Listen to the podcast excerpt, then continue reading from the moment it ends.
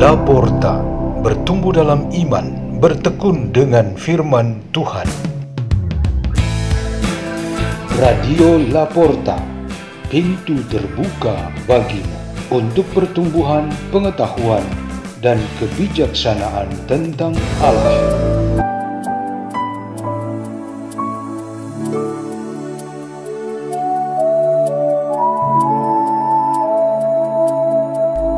Bacaan dan Renungan Sabda Tuhan Hari Selasa Pekan ke-11 Masa Biasa 14 Juni 2022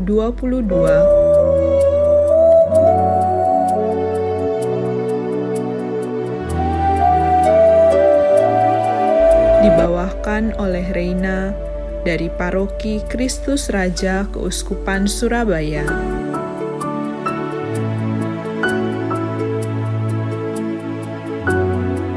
Inilah Injil suci menurut Matius bab 5 ayat 43 sampai dengan 48. Dalam khotbah di bukit Yesus berkata, "Kalian telah mendengar bahwa disabdakan, kasihilah sesamamu manusia dan mencilah musuhmu.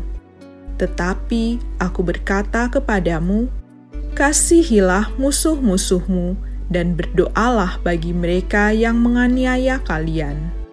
Karena dengan demikian kalian menjadi anak-anak Bapamu yang di surga.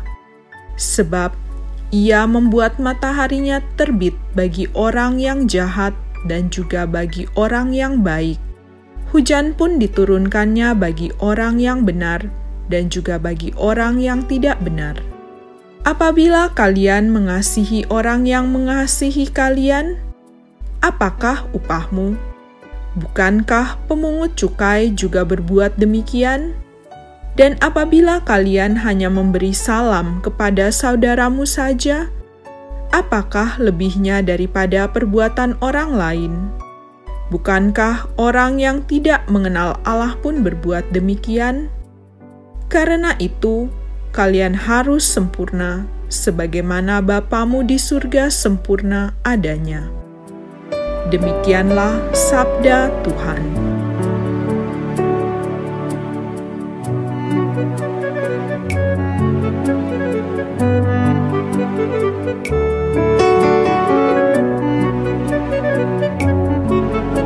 Renungan kita pada hari ini bertema musuh kita. Pertama kali saya difitnah dengan cara penyebaran cerita bohong tentang diri saya, tetapi dilakukan di belakang saya. Saya tersinggung dan marah. Saya berusaha mencari tahu siapa sebenarnya yang melakukan fitnahan itu, tetapi tidak berhasil. Kali kedua, saya dituduh melakukan korupsi dengan cara surat kaleng yang ditaruh di balik pintu ruang kerja saya.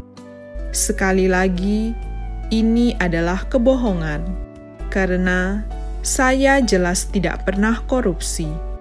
Saya hidup hanya dengan gaji dan usaha sendiri yang dijalankan oleh keluarga.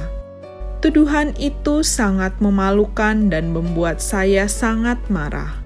Saya berusaha mencari tahu otak penuduhan itu, tetapi hasilnya nihil.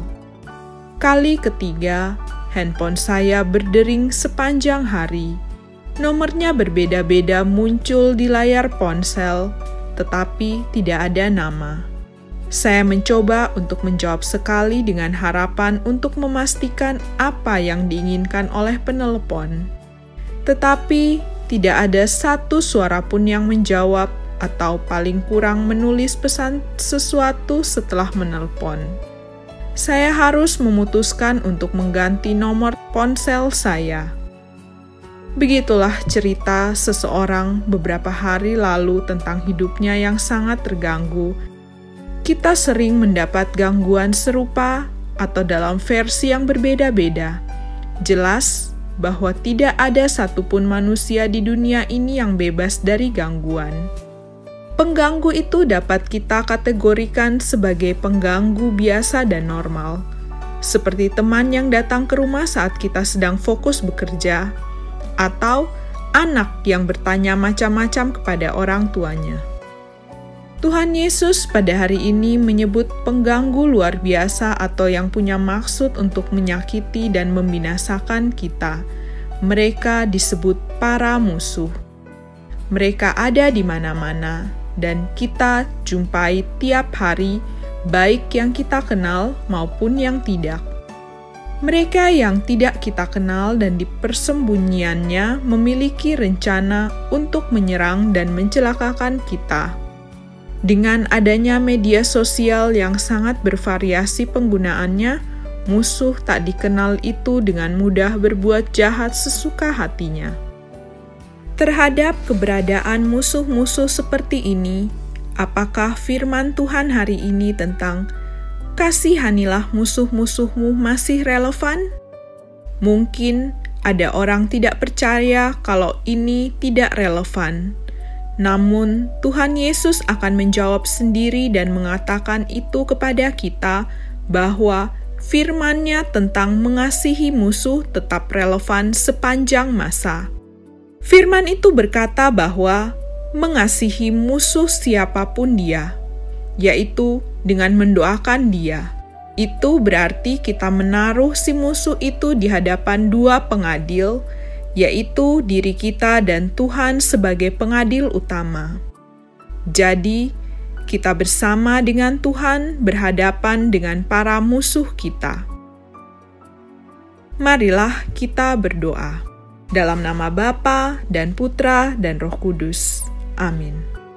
Ya Tuhan Yesus, semoga dengan kasih-Mu kami dapat mengubah musuh menjadi sahabat kemuliaan kepada Bapa dan Putra dan Roh Kudus seperti pada permulaan, sekarang, selalu dan sepanjang segala abad. Amin. Dalam nama Bapa dan Putra dan Roh Kudus. Amin.